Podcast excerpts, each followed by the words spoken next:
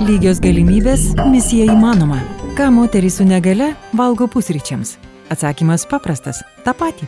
Arba, ką nori, tą ir valgo. Moterys, kurių gyvenimus paveikia negale, susiduria su kliūtimis eidamos į restoraną, polikliniką ar norėdamos susilaukti vaikų bet jų poreikiai tokie patys kaip ir žmonių be negalios. Šios savaitės pašnekovė Simona Aginskaitė. Simona su Lietuvos negalios organizacijų forumu atliko moterų su negale apklausą apie jų patirtą smurtą. Ką parodė apklausa? Laidu apie tai FM99 eteryje klausykite antradieniais 10.30 ir kartojimą ketvirtadieniais 14.30. Labadiena studijoje prie mikrofono Eglė Malinauskinė. Šiandien laidoje kalbėkime su Lietuvos negalios organizacijų forumo komunikacijos vadove Simona Ginskaitė apie tai, kad Simona kartu su Lietuvos negalios organizacijų forumu atliko moterų su negale apklausą apie jų patirtą smurtą. Ir štai apklausa parodė tai, ko nematome oficialioje statistikoje apie smurtą artimoje aplinkoje. O tai yra, kad kas ketvirta smurtą patirianti moteris su negale yra sisteminio fizinio smurto auka. Panašus procentas moterų moterų patiria ir nuolatinį seksualinį smurtą. Nepaisant šių skausmingų patirčių, tik apie 20 procentų smurtą patyrusių moterų su negale kreipiasi į policiją, net trečdalis iš jų neieško jokios pagalbos, nes netiki, kad situaciją galima pakeisti. Iš tiesų, tema labai aštri ir labai labai svarbi ir tiesiog būtina pokalbio. Tad šiandien sakau labą dieną Jums, Simona. Labą dieną. Labai malonu Jūs girdėti, Simona, ir dėkoju jau iš anksto Jums už tai, kad skiriate savo laiko. Tai ir pirmiausiai vienas iš tokių svarbiausių svarbiausių klausimų. Kaip kilo mintis tirti moterų su negale patiriamą smurtą? E, mes kaip negalios organizacija jau buvome perspėti tarptautinių kitų negalios organizacijų, žmogaus teisų organizacijų, kad reikia atkreipti dėmesį į moteris su negale ir jų patiriamą smurtą, nes jis gali būti nematomas. Kaip mes žinome, moteris apskritai be negalios ar su negale dažniau artimoje patiria smurtą, dėl to, kad patiria na, stereotipus, kaip kad ka, kas priklauso moterim ar ne, koks turi būti moters vaidmo šeimoje. Ne tik dėl to jos patiria smurtą, kad yra silpnesnės fiziškai, tarkim, už vyrus, bet ir dėl, to, bet, bet dėl tų stereotipų, ne, ką, jinai turėtų daryti, ko neturėtų daryti. E, tai moteris e, su negale taip pat patiria ir kaip moteris tos pačius stereotipus, ar ne? Ir dar kaip moteris su negale, prasme, kaip turinčios negalę. O negale mūsų visuomenėje dėja yra suvokiama na, labai įdingai. E, Jis yra tapatinama su žmogaus verte. Žmogus turintis negalę turi tarsi ir mažesnę vertę, nes jis turi mažesnį darbingumą.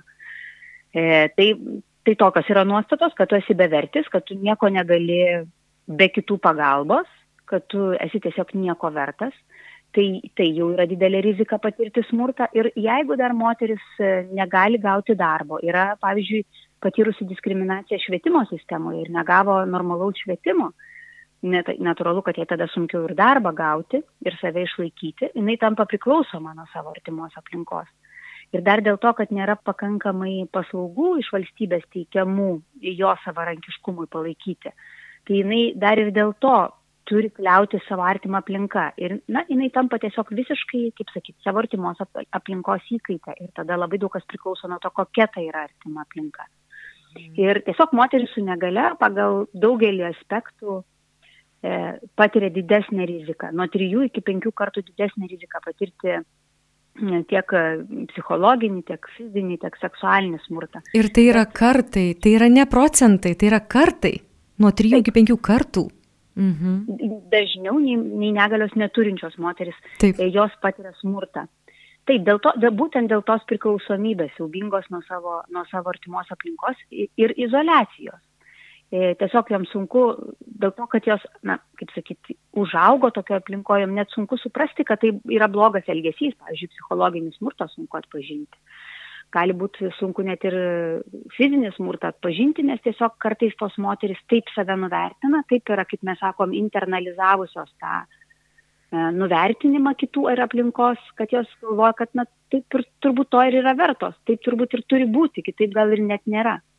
Tai tai yra iš tiesų tokia labai sudėtinga grupė, kuriai reikia daug, daug pagalbos ir palaikymo iš aplinkos. Štai jūs, Simona, užsiminėte apie tai, kad moteris yra labai priklausoma nuo aplinkos, nuo artimos aplinkos. Ar tai reiškia, kad smurtauja dažniausiai prieš moteris patys artimiausi žmonės, kurie, na kaip ir turėtų būti atsvara? taip tyrimas iš tiesų parodė, kad tik tai 20, nu kaip tik tai 20, tai yra gana didelis skaičius, 20 procentų yra atsitiktiniai žmonės. Bet didžiausią dalį sudaro sutuoktinis partneris arba tėvai, e, beveik 18 procentų. Į tėvai, globėjai, įtėviai. Taip pat pasiko brolių, vaikų smurto prieš moterį su negale. Bet visgi dažniausiai tai yra, būtent kaip jūs ir paminėjote, tai yra artima aplinka, tie žmonės, kurie kartu su tą moterim gyvena ir jai teikia pagalbą. Tai gali būti, kad jie vat, vien ir teikia pagalbą, bet kartu ir smurtauja. Ir tada įsivaizduokit, kaip sudėtinga tai moteriai kažkam papasakoti, kad tas žmogus, kuri, kuris ir rūpinasi, kuris ir padeda, ar ne kažkiek tai, yra ir tas smurtautojas. Ir net mes ir iš tyrimo matome, kad ypač kai smurtauja tėvai, labai sunku apie tai informuoti, nes aplinka netiki. E, atsisako tikėti, teikdami, kad tiek laiko jie tave prižiūrėjo, tu turėtum būti dėkingas. Ir tai niekas nesako, kad tie tėvai yra kažkokie būtinai monstrai ir jie nesirūpino to savo vaiko, ar ne? Bet negalima atmesti ir kad, kad jie ir smurtauja ir kad tai yra nepriimtina. Mhm. Bet tiesiog va ta tokia kaip sakyt, tų paslaugų iš valstybės nebuvimas ir žmonių su negaliai izoliavimas dėl, dėl to, kad jie nėra užimti, ar tai mokslo užimti, ar, ar, ar darbų užimti ir yra namuose, tai sukuria tokią situaciją, kurioje labai lengva atsirasti smurtui. Mm, na taip, ir, ir tai ko gero irgi viena iš tų priežasčių, kas trukdo moteriams išeiti iš tų smurtinių santykių, ar ne? Taip, iš tiesų, pagalvokime apie moterį, kuri yra priklausoma, tarkim, nuo savo sugyventinio, ten nuo savo patėvio ar nuo, nuo, nuo, nuo bet kokio žmogaus, tarkim, kuris yra kartu su jie namuose, kur, kur ją išeiti, jinai neturi pajamų, jinai neturi savo būsto e, ir jinai neturi, kas jai padeda su jos, tarkim, negale. Ne visų negalio atveju reikalinga kažkokia pagalba, bet jeigu tai yra judėjimo negalė, jeigu žmogus juda vežimėlyje ir gyvena neprieinamoje aplinkoje, jai kiekvieną reikia kažkokios pagalbos, kad jinai galėtų na, išeiti, tarkim, ar ne, Kartais tas smurtas gali būti net nebūtinai toks fizinis mušimas, tai gali būti atsisakymas padėti, tai gali būti apleistumas, apleidimas to žmogaus. E, tai taip pat smurtas, manipuliavimas vaistais, manipuliavimas kažkokiam priemonėm pagalbiniam ar ne, kurios. Na, paprasčiausias žmogui pat, patraukimas e, vežimėlio taip, kad jis negalėtų jo pasimti, jau yra kontrolės būdas ir tam tikras smurtavimas. Tai tiesiog iš tiesų labai daug atsiranda galimybių na, neteisingai elgtis tai žmonėm, bet aš irgi noriu pasakyti, kai kada žmonės sako, tai mes gyvenam kažkokiam, kažkokio gyvulių visuomenį. Tai nebūtinai, kartais iš tiesų smurtautojai yra tokie labai žiaurūs ir na, yra tai jų asmeninis bruožas, nor, noras kontroliuoti, noras kontroliuoti moterį, o dar moterį su negale, tai dar lengviau, dar paprasčiau. Bet kartu kartais būna situacijos, ypač kai tai yra tėvai įtėviai, kurie augina tą vaiką nuo, nuo, nuo, nuo pat mažumės, jie yra labai pavargę, pervargę. Kažkas iš jų galbūt netekia darbo, netekia tam tikro savo pomėgių, ar ne, nes negale yra tam tikra našta, jeigu valstybė nepadeda. Mhm. Tai gali būti iš didelio nuovardė, nevilties, iš pakrikimo pačios tos šeimos psichinės būklės tų situacijų labai įvairių iš tiesų yra. Kaip manote, Simona, mes kaip visuomenė, ar galėtume kažkaip, na, nelaukdami, gal nežinau, valstybės didesnių žingsnių, kažkaip prisidėti? Taip, iš tiesų, jeigu matom, aišku, kažkokį tai aktyvų smurtavimą, tai reikėtų vis dėlto, jeigu mes girdime, ar ne, matome akivaizdžiai, kad yra smurtaujama, tai aš vis tiek tikrai rekomenduočiau kreiptis į į policiją arba skambinti, ten tarkim, į moterų liniją, kuri pakonsultuotų, ką tokiu atveju daryti, kokia yra pagalba, yra kompleksiniai pagalbos centrai moterims, kad bent pasikonsultuoti, jeigu jūs, ten, tarkim, savo kaiminystėje matote, įtarėte kažką. Bet jeigu jūs matote tiesiog va, tokia šeimas, kur, kur jūs nebūtinai žinote, nebūtinai girdite, matote, bet, bet tokia yra situacija, tokia nuovargio, izolacijos, tai aš tiesiog patarčiau pagalvoti, kaip jūs, kaip bendruomenė, galėtumėte įtraukti tą žmogų su negale į savo bendruomenės veiklas. E, galbūt yra kažkokie na, susibūrimai, kur ten mesgama, dainuojama, važiuojama kažkur. Arba kažkokia tai darbo galimybė, kad ir dviejų valandų per dieną pagalbos poreikis. Tiesiog pagalvoti, kaip e, na, išardyti tą izolaciją toje šeimoje. Ir drauge, kaip galbūt tai šeimai artimiesiams padėti atsipūsti, tą žmogų įtraukiant į kitas veiklas, kad jis nebūtų nuolat namuose. Nes bet kam, ar su negale, ar be negalios, būnant nuolat namuose izolacijai, nu, kaip sakom, tokio, žinot, dėl to, kad nedirbi, aišku, prastai jautiesi, ta savivertė prasta, tai bet kam yra sunku ir aplinkiniam yra sunku.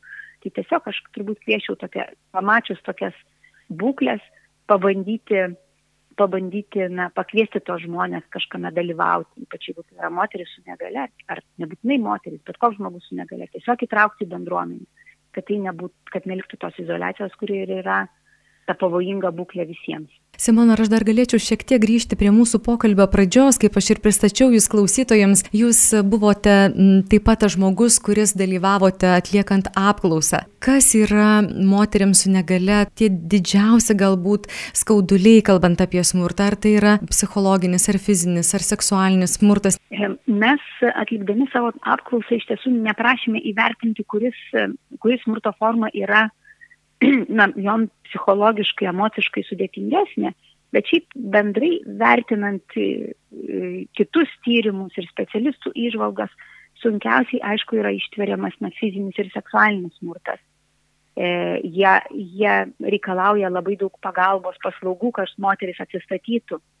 Ir na, labai luošina tas moteris ir visą aplinką, kuri tai turi stebėti kuri yra įtraukta į tai. Ir mūsų apklausa parodė, kad seksualinis smurtas, nepaisant to, kad tik vienas atvejis yra moterų su negale patvirtinta seksualinio smurto, viena byla yra išspręsta na, ir, ir patvirtinta, kad iš tiesų buvo moteris išnaudota, o iki tol iš vis nulis atvejų.